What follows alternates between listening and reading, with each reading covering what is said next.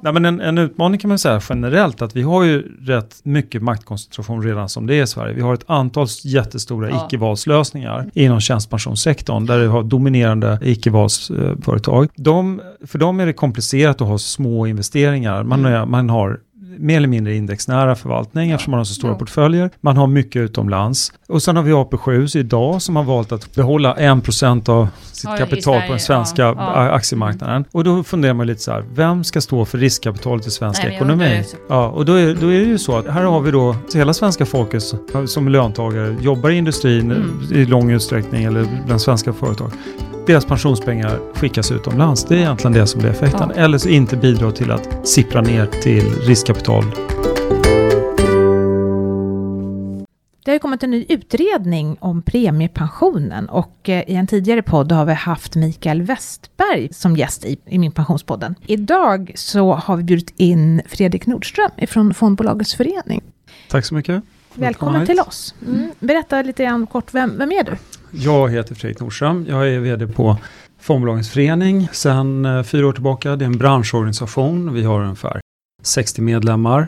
Eh, de flesta fondbolagen i Sverige är medlemmar hos oss. Och vi verkar för en sund och bra fondmarknad. Mm, du har en bakgrund hos AMF också. Jag har varit på AMF i 17 år och jag har varit på regeringskansliet mm. i ett antal år. Och sen har jag varit penningmäklare.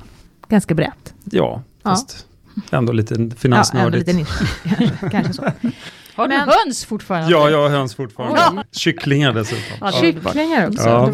Men du har ju riktat en hel del kritik mot planerna på ett bantat fondtorg och på att fonderna i framtiden ska upphandlas av en myndighet som blir en slags utvidgning av sjunde AP-fonden som idag förvaltar då premiepensionen kanske vi ska säga som förtydligande. Mm. Men ska vi börja med att säga vad du har ingått, att du har ingått i den här expertgruppen då som har fått tycka till om den här utredningen? Ja, tycka till och tycka till. Som expert så är man ju med för att hjälpa utredaren och utredaren väljer att lyssna på det han vill eller inte. Om man hade fått den högre statusen då som saklig, sakkunnig, då hade man kunnat skriva ett särskilt yttrande också. Men vi hade inga sakkunniga med i den här utredningen. Tycker du att du har fått gehör för dina åsikter? Nej, det tycker jag nog inte. Eh, men samtidigt då, om vi börjar liksom från din roll, för att det är klart att fondbolagens förening ska vara med i den här typen av utredning som expertkunnig och så. Men, men fondbolagen brukar ju också få återkommande kritik, inte minst mot för de här höga avgifterna och att det kostar väldigt mycket miljarder för spararna varje år. Och, och ja, har du någon förståelse för den kritiken? Ja, det som börjar där, det som ja, ni får däng för hela tiden. Ja, men, det, men då måste man ju komma ihåg så här, alltså, den, den, de avgifter som vi diskuterar normalt i media som man blåser upp, det handlar ju om spar, småsparare som ska gå till bankkontor, få rådgivning, vi ska ha olika regelverk, ska följas med Know Your Customer, ska granska för penningtvätt och så vidare. Det kostar en hel del med att handla om den här kundadministrationen. Den har man inte genom premiepensionen och därför kräver också Pensionsmyndigheten rabatter av fondbolagen. De får inte ta fullt betalt. Mm. Och det är för att man, fondbolagen har helt enkelt inte de här kostnaderna. Och så att redan från när systemet infördes så äger Pensionsmyndigheten avgiftsfrågan. Det är mm. de som bestämmer vad fonderna ska kosta på torget och det har de gjort hela tiden. Nu har man avgiftstak på fonderna får kosta som mest och man har också kraftiga rabatter som baseras på vilken volym fonderna får. Så hur många sparare som har valt fonderna i systemet. Mm. Ja, det är till och med så att, att eh, förvaltningskostnaden från Pensionsmyndigheten är ju högre än fondavgiften många gånger. Ja, det finns sådana mm. exempel. Ja. Ja. ja. Okej, okay, men till premiepensionsutredningens, eller premiepensionens framtid då. Du tycker lite drastiskt i Svenska Dagbladet den 7 november att hela utredningen ska slängas i papperskorgen. Ja, nu får man inte... sammanfattning, varför ja, då? ja, det var, man får inte sätta sina egna rubriker på debattartiklarna, men det var ju roligt att de sammanfattade på det sättet, för det är väl kanske ändå man ska hårdra dit jag lutar. Och ett, ett problem med den här utredningen som vi ser grundläggande, det är ju att man tillsatte den när vi hade som mest med problem i premiepensionen. Vi hade de här stora skandalerna som rullades upp, politikerna stod handfallna, det var massiv kritik mot systemet och eh, det var bedrägerier som misstänktes och så vidare. Och så vidare. Då fanns det stor anledning att vidta åtgärder. Eh, det man glömmer bort det är att vi bland annat var och besökte generaldirektören på Pensionsmyndigheten hösten 2015 och påpekade vikten av att de skärpte de samarbetsavtal som man hade med fondbolagen. Alltså redan innan de här skandalerna? Det, ja, det, var, det var i samband med ja. dem, för då insåg vi liksom att det gick inte att ha hålla på och processa hela tiden om det här var förvaltningsrättsligt eller inte och vilket mm. avtal som skulle följas och så vidare. Så det var viktigt för oss också att Pensionsmyndigheten kunde vidta åtgärder mm. mot de bolagen som inte skötte sig. Vi, vi träffade generaldirektören 2015 för att ta upp just den här frågan om att vi såg problem med det svaga samarbetsavtalet som fanns innan. Det, det reglerade egentligen bara hur man fick använda varumärket Pensionsmyndigheten i marknadsföringen. Så det fanns ingen uppförandekod eller något sånt där. Och 2016 så införde då myndigheten ett avtal som vi ryggade tillbaka till först som var att man skulle bevisa att man inte hade anlitat callcenter eller något sånt där, eller någon annan som sålde. Men under omständigheterna som var då tyckte vi det här är helt okej. Okay. Och sen så tillsatte ju då Pensionsmyndigheten sin egen utredning med att ta fram ett, den här 30-punkterslistan som diskuterades. Och den låg ju till grund för en politiskt beslut om att verkligen skärpa reglerna och man gjorde flera jättebra grejer. Man förbjöd telefonmarknadsföring marknadsföring av premiepensionstjänster. Man gav också Pensionsmyndigheten mycket mer muskler och ett starkt lagstöd för att höja kraven på de fonder som skulle vara med på torget. Skulle man ha gjort det här tidigare? Absolut. Du? Det som är lite sorgligt är ju faktiskt så att det här avtalet som kom redan då 2016 som låg till grund för att man kunde slänga ut ett antal bolag. Det tyckte ju myndigheten helt plötsligt att de kunde ta fram utan förändringar i lagen. Mm. Det, det hade man gått och dragit sig för och inte agerat kan Nej, man väl okay. säga under de här 16 åren innan då. Så det, det, är ju ett problem att man var så saktfärdiga på det där. Så mycket av de problem som vi har sett i premiepensionen har ju varit faktiskt Pensionsmyndighetens försumlighet. Även vad gäller det här missbruket av BankID och sådana saker har ju varit en halv säkerhetslösning jämfört med de som bankerna har haft. Mm. Men efter de här säkerhetspunkterna, borde man kanske utvärdera effekten av det innan man går vidare och gör sådana här drastiska åtgärder, tycker du? Ja, vi tycker ju liksom att den här utredningen som du har lagt fram, ja. den var initierad när det var som värst. Man hade inte infört de nya reglerna och, och än så länge var man inte ens färdig med prövningen av alla de fonder, eller de fonder som nu vill vara med på fondtorget. Utan man har ju godkänt idag, jag tror det är knappt 300 fonder. Och det är ett antal ansökningar som man fortfarande håller på och uh, utvärderar. Och vi tycker väl att det är rimligt att se vad det är för fonder som är med. Är Pensionsmyndigheten oroliga för någon brist i, i de, de kontroller som de kan göra, de, de muskler som de har. Och vi bedömer ju liksom att det här är väldigt omfattande granskningar. Det är allt ifrån penningtvätt, intressekonflikter, transaktioner, särskilda innehav, vilka innehav har man i fonderna och så vidare. Det är en väldigt kraftfull granskning som görs. Så att vi, vi menar att det har säkerställt tryggheten på torget. Så det den här utredningen egentligen handlar om, det är faktiskt vem som ska få bestämma vilka fonder du ska kunna välja på. Ja, och du menar att man tar chansen nu i, i liksom det rådande klimatet att, att liksom gå så långt som Det kan man väl säga. Det har alltid varit en kompromiss, mm. hela premiepensionssystemet. Ja. Från att de borgerliga alliansen kanske, eller borg, några borgerliga partier under 90 90-talet där försökte få så mycket som möjligt, kanske hela pensionen individualiserad och på kontobaserad. Och nu fick man nöja sig med 2,5 procent. Det är ju alla överens om att de som inte vill välja ska ha en bra icke-valslösning. Utan det här handlar ju egentligen om de som vill välja. Och vad ska de då få en begränsad valfrihet och vad är då syftet med det? Då måste man fundera på vad vinner man med den begränsningen? Ja, ett av dina argument nu det är ju att spararna vill ha valmöjligheter och inte minst de unga. Ja, vad grundar du det på? Ja, vi har gjort SIFO-undersökningar för att veta. För det finns ju också en diskussion om, använder man valfriheten, är valfriheten värd någonting för, mm. för spararna? Och då kan man bara konstatera att Ja, det är ju drygt, eller det är omkring hälften som har gjort egna val i systemet. Men de och, unga har ju nästan inte gjort något alls. Nej, men de unga är ju inte heller, de har ju knappt några pensionspengar. Nej. Så att de kommer in i systemet när de sommarjobbar.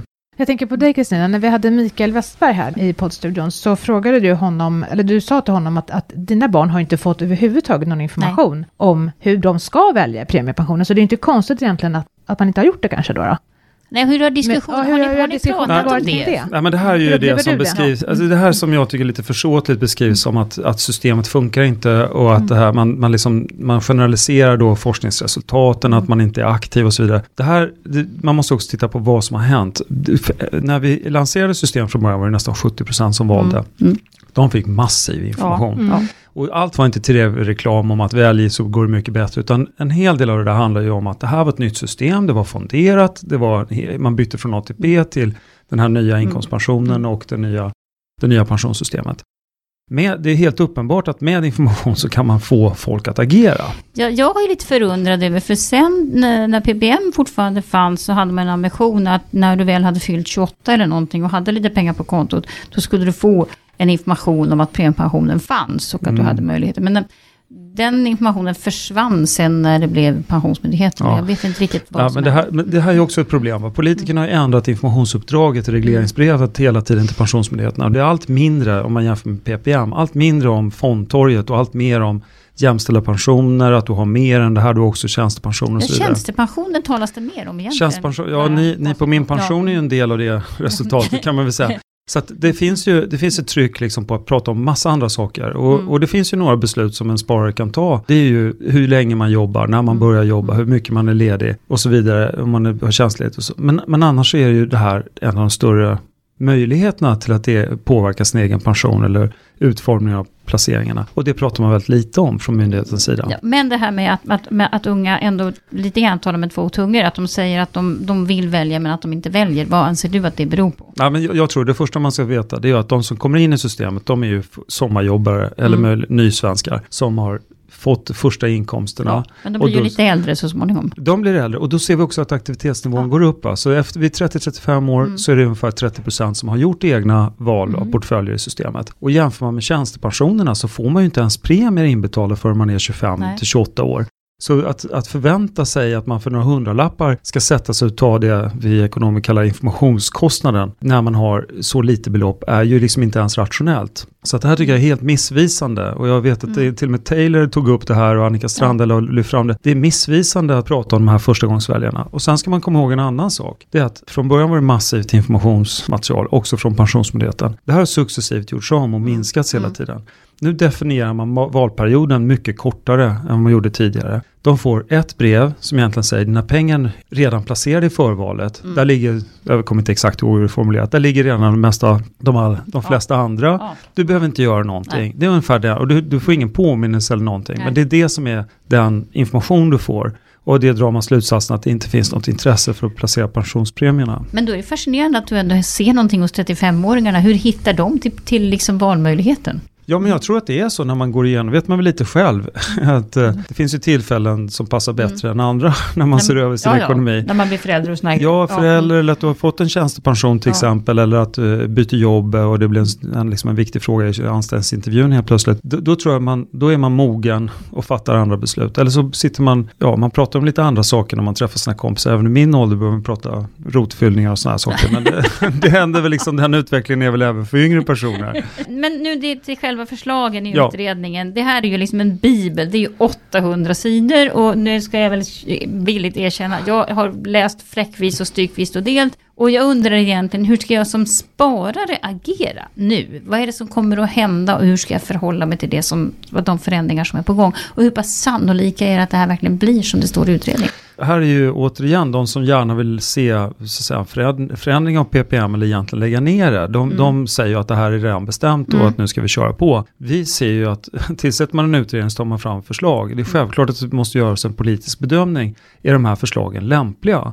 Att införa. Och vår bedömning är ju att det är de inte. De tillför väldigt lite. Ingenting egentligen på de viktigaste aspekterna som man brukar förknippa med en upphandling. Det handlar just om trygghet. Det har man etablerat med de här nya kraven. Och avgiftsdiskussionen tycker vi också är passé. Det är Pensionsmyndigheten som bestämmer avgifterna med rabatttrappor och pristak i systemet redan. Och då är frågan, vad är det annars man uppnår? Och vi ser bara att det här komplicerar det. Komplicerar för de aktiva väljarna. Jag tror att Mikael Westberg har som förslag att man verkligen ska intyga att det liksom ska vara något kvalificeringskrav för att gå ut på det öppna fondtorget och lämna statens trygga hamn. Man ska få ett körkort typ. Ja, jag vet inte, men det är liksom administrativa hinder. Ja, och allt det här, om man pratar man nudge så ska man komma ihåg när även Thaler i sin bok har ju skrivit om det här, libertansk paternalism. mm. Och i det här har man helt glömt bort det libertanska. Man har bara massa hinder och begränsningar av valmöjligheterna, snarare än att man liksom stöttar och hjälper spararna. Det finns ingenting om det, mer än att man bör göra det, ge Men- vägledning och råd. Men det, det, det är ju inte det det här förslaget handlar om. Men då är det ändå, alltså, det är pensionsgruppen som så småningom ändå ska få detta i knät och fatta det formella beslutet. Är Ja, är ja, så uppfattar jag det. Man, Ja. Att man har en överenskommelse i grunden och ska man göra förändringar så ska man vara överens. Mm. Och jag uppfattar inte det här som att det är jättemärkligt om man skulle vara överens om något som man inte vet vad det blir. Nu har man utredningen på sitt bord och ska utvärdera den. Mm. Så att vi vet inte riktigt om de här förslagen blir i skarpläge, så kan vi liksom säga. Nu. Nej, det utgår vi ifrån. Ja. Hur, hur ska ni jobba från Fondbolagens förenings sida för att få gehör i era tänkande? Ja, vi har ju försökt då, Micke Mm. Westberg, in i utredningen och Ja. kan man bara säga att det här, vi har inte fått gehör. Nej. Och, och en, till viss del så då? ska jag vara schysst också och säga att den största kritiken som vi har, det är ju den avgränsning. Och det här det är ju ett problem med en utredning och ett problem med utredningsväsendet lite bredare. Det är att politikerna eller regeringen ofta tillsätter en utredning med väldigt specifikt uppgift, att man inte lämnar en öppen Nej. frågeställning. Nej. Utan här, här har man liksom sagt, det ska vara en upphandling. Ja. Man ska inte titta på konkurrenssituationen eller någonting annat som om det här vore liksom helt skilt från resten av samhället. Och det här är, det här är ett problem tycker jag. Och nu har utredaren levererat förslag på en upphandling som vi tycker då, vi tycker är fel med upphandling som metod. Och det finns andra alternativ som funkar för staten och det är eh, lagen om valfrihetssystem är ju egentligen en sån princip som är mycket bättre att följa än lagen om offentlig upphandling, även om man nu säger att det inte är en upphandling, lagen Nej. om offentlig upphandling och upphandling. Men det finns ju andra system som är lika säkra och trygga men som funkar på ett annat sätt och där man inte styr utbudet eller eh, cementerar det under upphandlingsperioden. Och, ja. En fråga till som jag undrat, det, det är ju att man verkligen försöker inskärpa att det är viktigt det här med valfriheten och att den ska lagstadgas och så. Varför är det en issue överhuvudtaget? Ja, därför att det är ju liksom det som alliansen, så kan man säga, eller de borgerliga partierna har, har värdesatt väldigt mycket. Och det har ju aldrig varit någon hemlighet av att Socialdemokraterna då inte velat ha den här valfriheten. Mm. Och det finns ju en del utmaningar med valfrihetssystem överhuvudtaget. Det är att det blir inte exakt lika för alla. En- Men ett problem här är ju att staten lovar ju ingenting. Det här är en del av allmänna pensionen. Inte ens inkomstpensionen lovar man ju någonting, utan det blir ju vad det blir om lönesumman Mm. utvecklas i Sverige och så vidare. Här är det ännu mer, här ska det vara fonderat, det har man bestämt. Det är ju jätterimligt att när man tar så mycket som 18,5% av löneutrymmet och att man då får inflytande och bestämmanderätt över 2,5% och de som vill utnyttja den ska ju begränsas så lite som möjligt, annars är det faktiskt en välfärdsförlust. Och det har ändå utredningen slagit fast nu för att undvika att någon så småningom säger att nu ger vi Nej. en... Det är det som är En- problemet, det är en ja. tjock tegelsten men det är väldigt lite kring i den här utredningen som handlar egentligen om hur ska den här utvärderingsprocessen gå Mm. ut? Vad är det som säger att det blir bra fonder i det här? Det lämnar man till nästa myndighet. Så att ska man vara kritisk så kan man säga så här, politikerna säger vi måste ta ett initiativ, vi tillsätter en utredning som ska lösa det här, det ska bli en fantastiskt bra upphandlad lösning. Utredaren lämnar förslag, det ska bli en fantastiskt bra upphandlad lösning. Och det lämnar vi till nästa myndighet att utforma. Så vi vet fortfarande inte hur Nej. det här är egentligen tänkt att det ska funka. Och vi vet faktiskt inte heller, det finns ingen garanti för att det blir, som Micke Westberg pratade om, 150 fonder. Det är ju hans bild, det står ingenting i lagstiftningen om det. Utan det, det är det här som är en utmaning också, att det här är upp till de tjänstemän som kommer få jobba med de här frågorna på, på AP7. Tycker de att man inte behöver Rysslands fonder eller emerging markets fonder, tycker de att realräntefonder inte är någonting, så bestämmer de att det här handlar vi inte upp. Så att de Nej. bestämmer vad som ska finnas och hur stort utbudet kommer att vara. Samtidigt sa ju Mikael Westberg att det här kommer vara allmänheten. Så om allmänheten vill ha mycket Sverigefonder så ser man till att det kommer att finnas många Sverigefonder i systemet, säger han. Ja, det finns ingenting i lagstiftningen. Så det? det här är Nej. en, en utmaning är också att det här är en myndighet då som ska styras av lag. Ja. Och tittar man på AP-fonderna så är det inte ett jätteproblem därför att de har då placeringsriktlinjer och det liksom är rätt styrt vad de ska göra och inte göra. Här är det helt annan operativ verksamhet som man då ska styra direkt direkt genom lagstiftning. Så att staten kan inte, regeringen kan inte rätta till det via ett regleringsbrev om man nu tycker får in några knasbollar i, i, på myndigheten som, som hittar på saker och ting. Utan då måste man lagstifta igen, gå tillbaka och lagstifta för att styra upp det här. Det är en jätteprocess. Och jag, därför jag ser att det blir, man, man har väldigt svag politisk kontroll och det kan man tycka är en poäng. Men det är väldigt märkligt när man när man de facto låter då tjänstemännen ta ett sådant stort ansvar över vilka fonder och hur pensionspengarna får möjlighet att placeras framöver. Ja, jag blir lite fascinerad om det ska styras av tillgång och efterfrågan. Och efterfrågan, det är väl liksom någonting som, som kommer efter tid. Det kan man liksom inte upphandla i förväg, tänkte jag. Jag skulle säga så här, det är precis tvärtom. Att det är nu, om du ser att det är någon som efterfrågar en, specifik hållbarhetsindexfond Ja, ja. eller vad det nu kan vara för någonting. Eller att det kommer Vietnamfonder, det är hög tillväxt i Asien, det är nya länder i Asien eller det- whatever. Då ser man de försäljningssiffrorna utanför systemet. Det finns ett incitament för fondbolagen att ta fram en bra produkt och erbjuda även inom premiepensionen. För att då sparare ska få möjlighet att ha tillgång till den. Det, här, det är det nya systemet så ska några tjänstemän, de ska upptäcka att det här finns ett intresse. De ska bedöma att de tycker att det här är en lämplig produkt för fondspararna. De överprövar liksom den, den marknadsmekanismen som finns på, på, andra, på marknaden i övrigt. Och det här är något som inte talar för en ökad flexibilitet utan tvärtom. Det liksom blir en cementering av utbudet. Ja, vad tror du kommer att hända? Vilka, vilka fonder kommer att bli kvar, tror du? Ja, jag tror så här att om man tittar på, och det här är också en effekt av just att man genomför en upphandling, det är ju att man måste, när man handlar ihop så måste man bestämma vad det ska vara. Ta, hitta på ett exempel. Om det är liksom en skola som ska köpa in köttbullar. Man, då måste man bestämma, vad är en köttbulle? Är det kycklingköttbullar? Får det vara kyckling i? Eller veganköttbullar. Eller får det vara veganköttbullar? Eller vad ska det vara för någonting? Du måste bestämma, för annars går det inte att jämföra de här offerterna om du ska göra en förvaltningsrättsligt säker och trygg överklagansbar upphandling. Utan du måste bestämma vad du ska handla upp. Och det är inget fel på veganköttbullar, det är inget fel på kycklingköttbullarna heller, men de får inte plats. Så redan där har man bestämt och valt bort massa saker genom att välja ut något. Och det har ingenting med kvalitet eller någonting annat att göra, utan det handlar bara om metodiken. Och nu ser vi idag att de här, även de 850 fonder som fanns på torget när det var som mest, de sorterades ner i 34 kategorier. Mm. Men, men och, och, visst, det finns 50 globalfonder man kan fundera på, är det vettigt eller inte? Men nu har man ju ändå infört en årlig avgift, så ligger också i fondbolagets intresse framöver att se att har jag verkligen en chans att få några sparare, är det här lönsamt att vara med? Så nu har vi en marknadsmekanism även där. Men, men ändå så kunde man sortera ner de här och då fonderna som låg i Sverigekategorin, de var inte lika varandra. Det var sånt som man kan hitta i kyldisken, att det här ser ut som snabbmat, det här ser ut som ja, köttbullar, ja. så går man dit och kollar, är det falafel eller vad är det för någonting? Men allt, nu, är det liksom, nu kommer det se ut som i Sovjet, det kommer vara liksom likadana produkter i hela i kyldisken rakt igenom. Just för att du måste bestämma, det här är vad som ska ligga i snabbmat. Det ska vara köttköttbullar i snabbmatsdisken. Vad gäller fonder då så är det så att om du ska bestämma vad en kategori är så måste du säga då att det är 6PRX ja. eller är det topp 30, alltså bara de största bolagen. Men då säger vi det är det här indexet, då definierar man Sverige som ett visst index. Men om du då har en förvaltare som avviker väldigt mycket, då kommer mm. den inte bete sig som det här. Så även om det är en väldigt framgångsrik aktiv förvaltarfond så kommer den inte bete sig som index där den går bättre än index. Och då finns den inte med i det som kommer med i det här universet. Så att det kommer vara index och indexnära produkter har lättare att komma med, för det är de som uppfyller kriterierna. Det är det ena. Den andra problemet som är att upphandlingsfenomenet, eller processen är ju att du gör en upphandling, de som vinner upphandlingen får massa kapital, och sen så försvinner kapitalet ut när upphandlingsperioden mm. är över för då är det någon annan som bättrat priset lite eller att något kriterium om att förvaltarna har jobbat två år eller längre så de ligger bättre till i nästa upphandling. Då flyttas kapitalet in och ut och, och aktiva fonder och särskilt fonder som är lite mindre som idag funkar väldigt bra på torget kan inte ta emot Nej. de här beloppen Nej. för det förstör performance. Och ska de förstöra performance för sina gamla sparare så det, är ingen långsiktig strategi för dem, så då vill de inte vara med.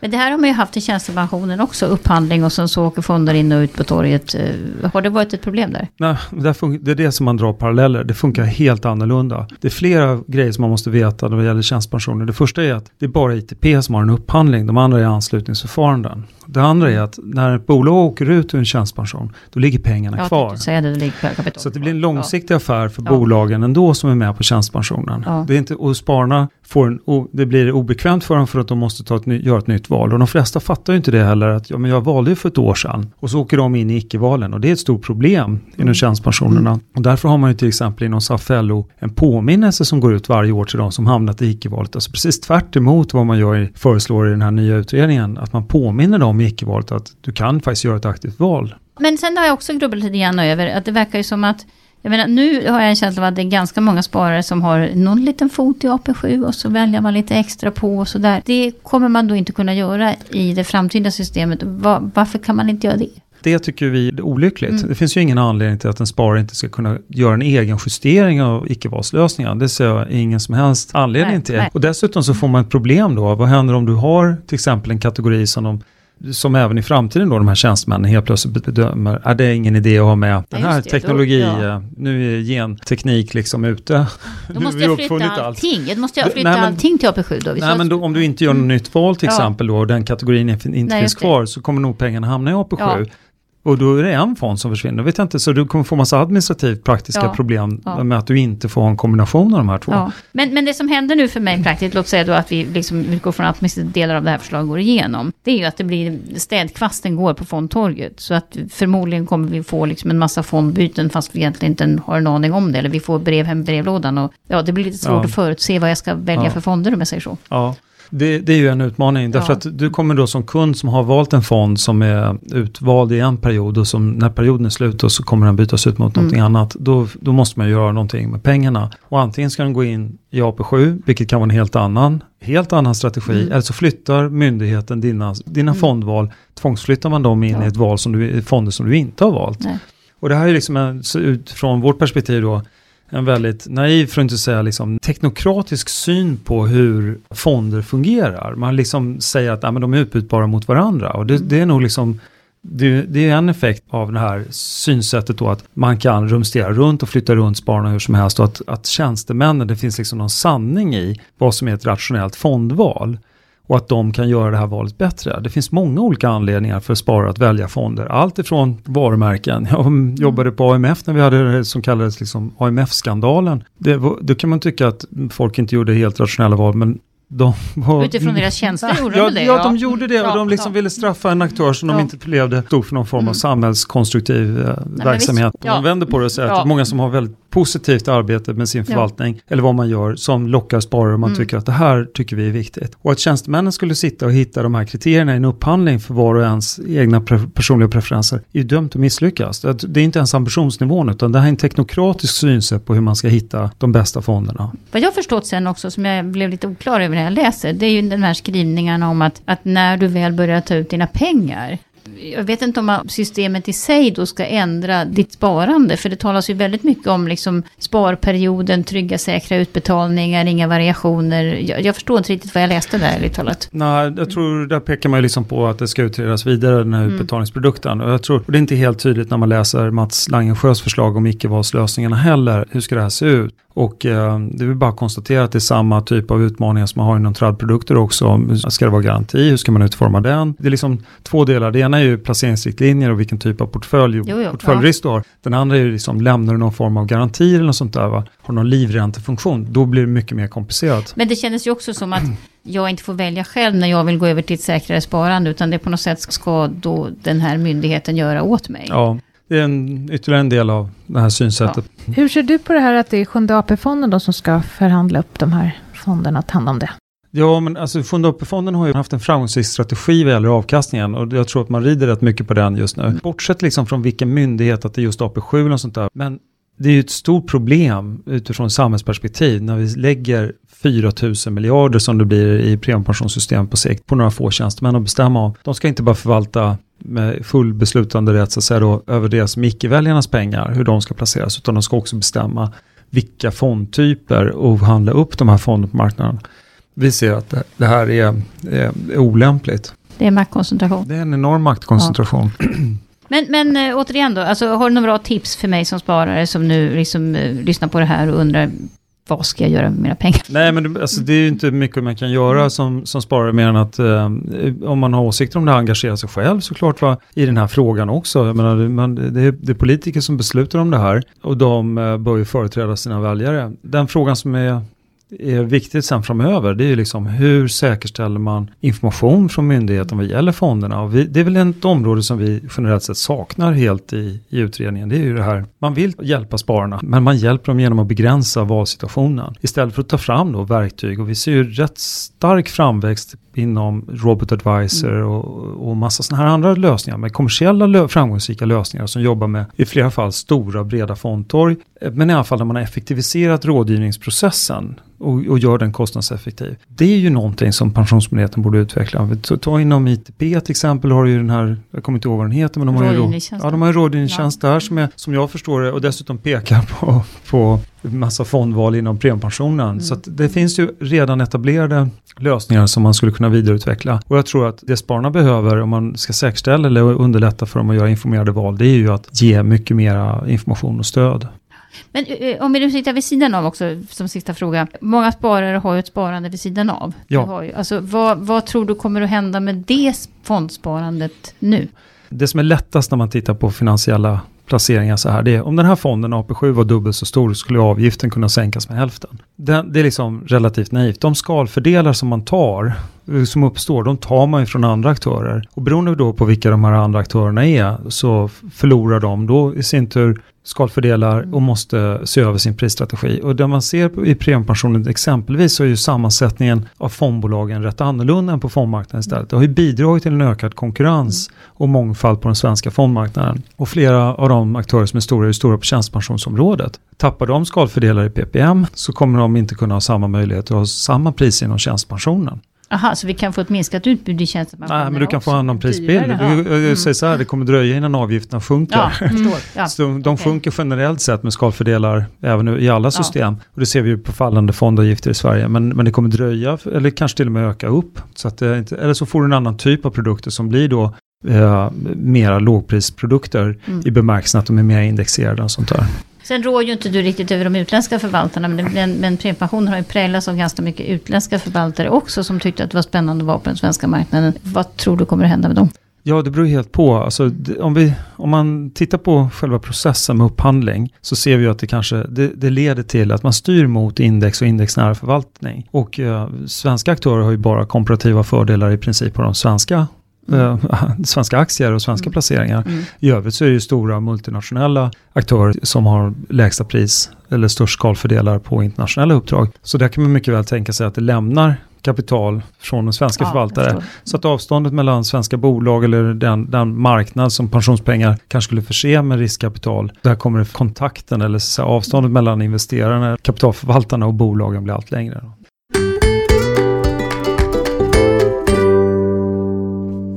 Vi har fått en fråga ifrån en person som går på a-kassa och den här personen undrar om inkomsten är pensionsgrundande, alltså a-kassainkomsten. Ja, den är ju det och det är ju väldigt skönt att det, alltså i den allmänna pensionen så är det ju deklarationen, det du deklarerar inkomst för, som ger underlag för pension. Så att har du a-kassa och betalar skatt på de pengarna så får du även pension, även om den då inte kommer att vara lika mycket pengar som när du jobbade och dessutom hade tjänstepension. Just det, man saknar tjänstepensionen. Ja. ja, så är det. Och kanske vi ska lägga till en sak till. Det har ju tidigare varit så att om man tog ut pension så brukade vi varna för att gör inte det för då kan du få en minskad a-kassa om du tar ut den allmänna pensionen. Det fanns ju de som tog ut lite PPM-pengar för att åka billigare i tunnelbanan och så blev de arbetslösa och så blev de, fick de ingen a-kassa.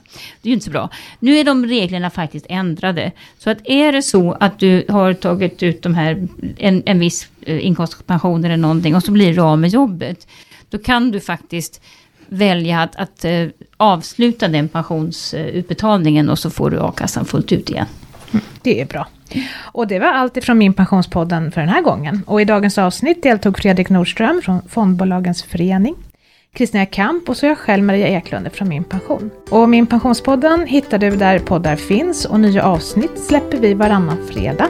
Tack för att du har lyssnat idag och på återhörande. Hej hej! Hej då! Hej!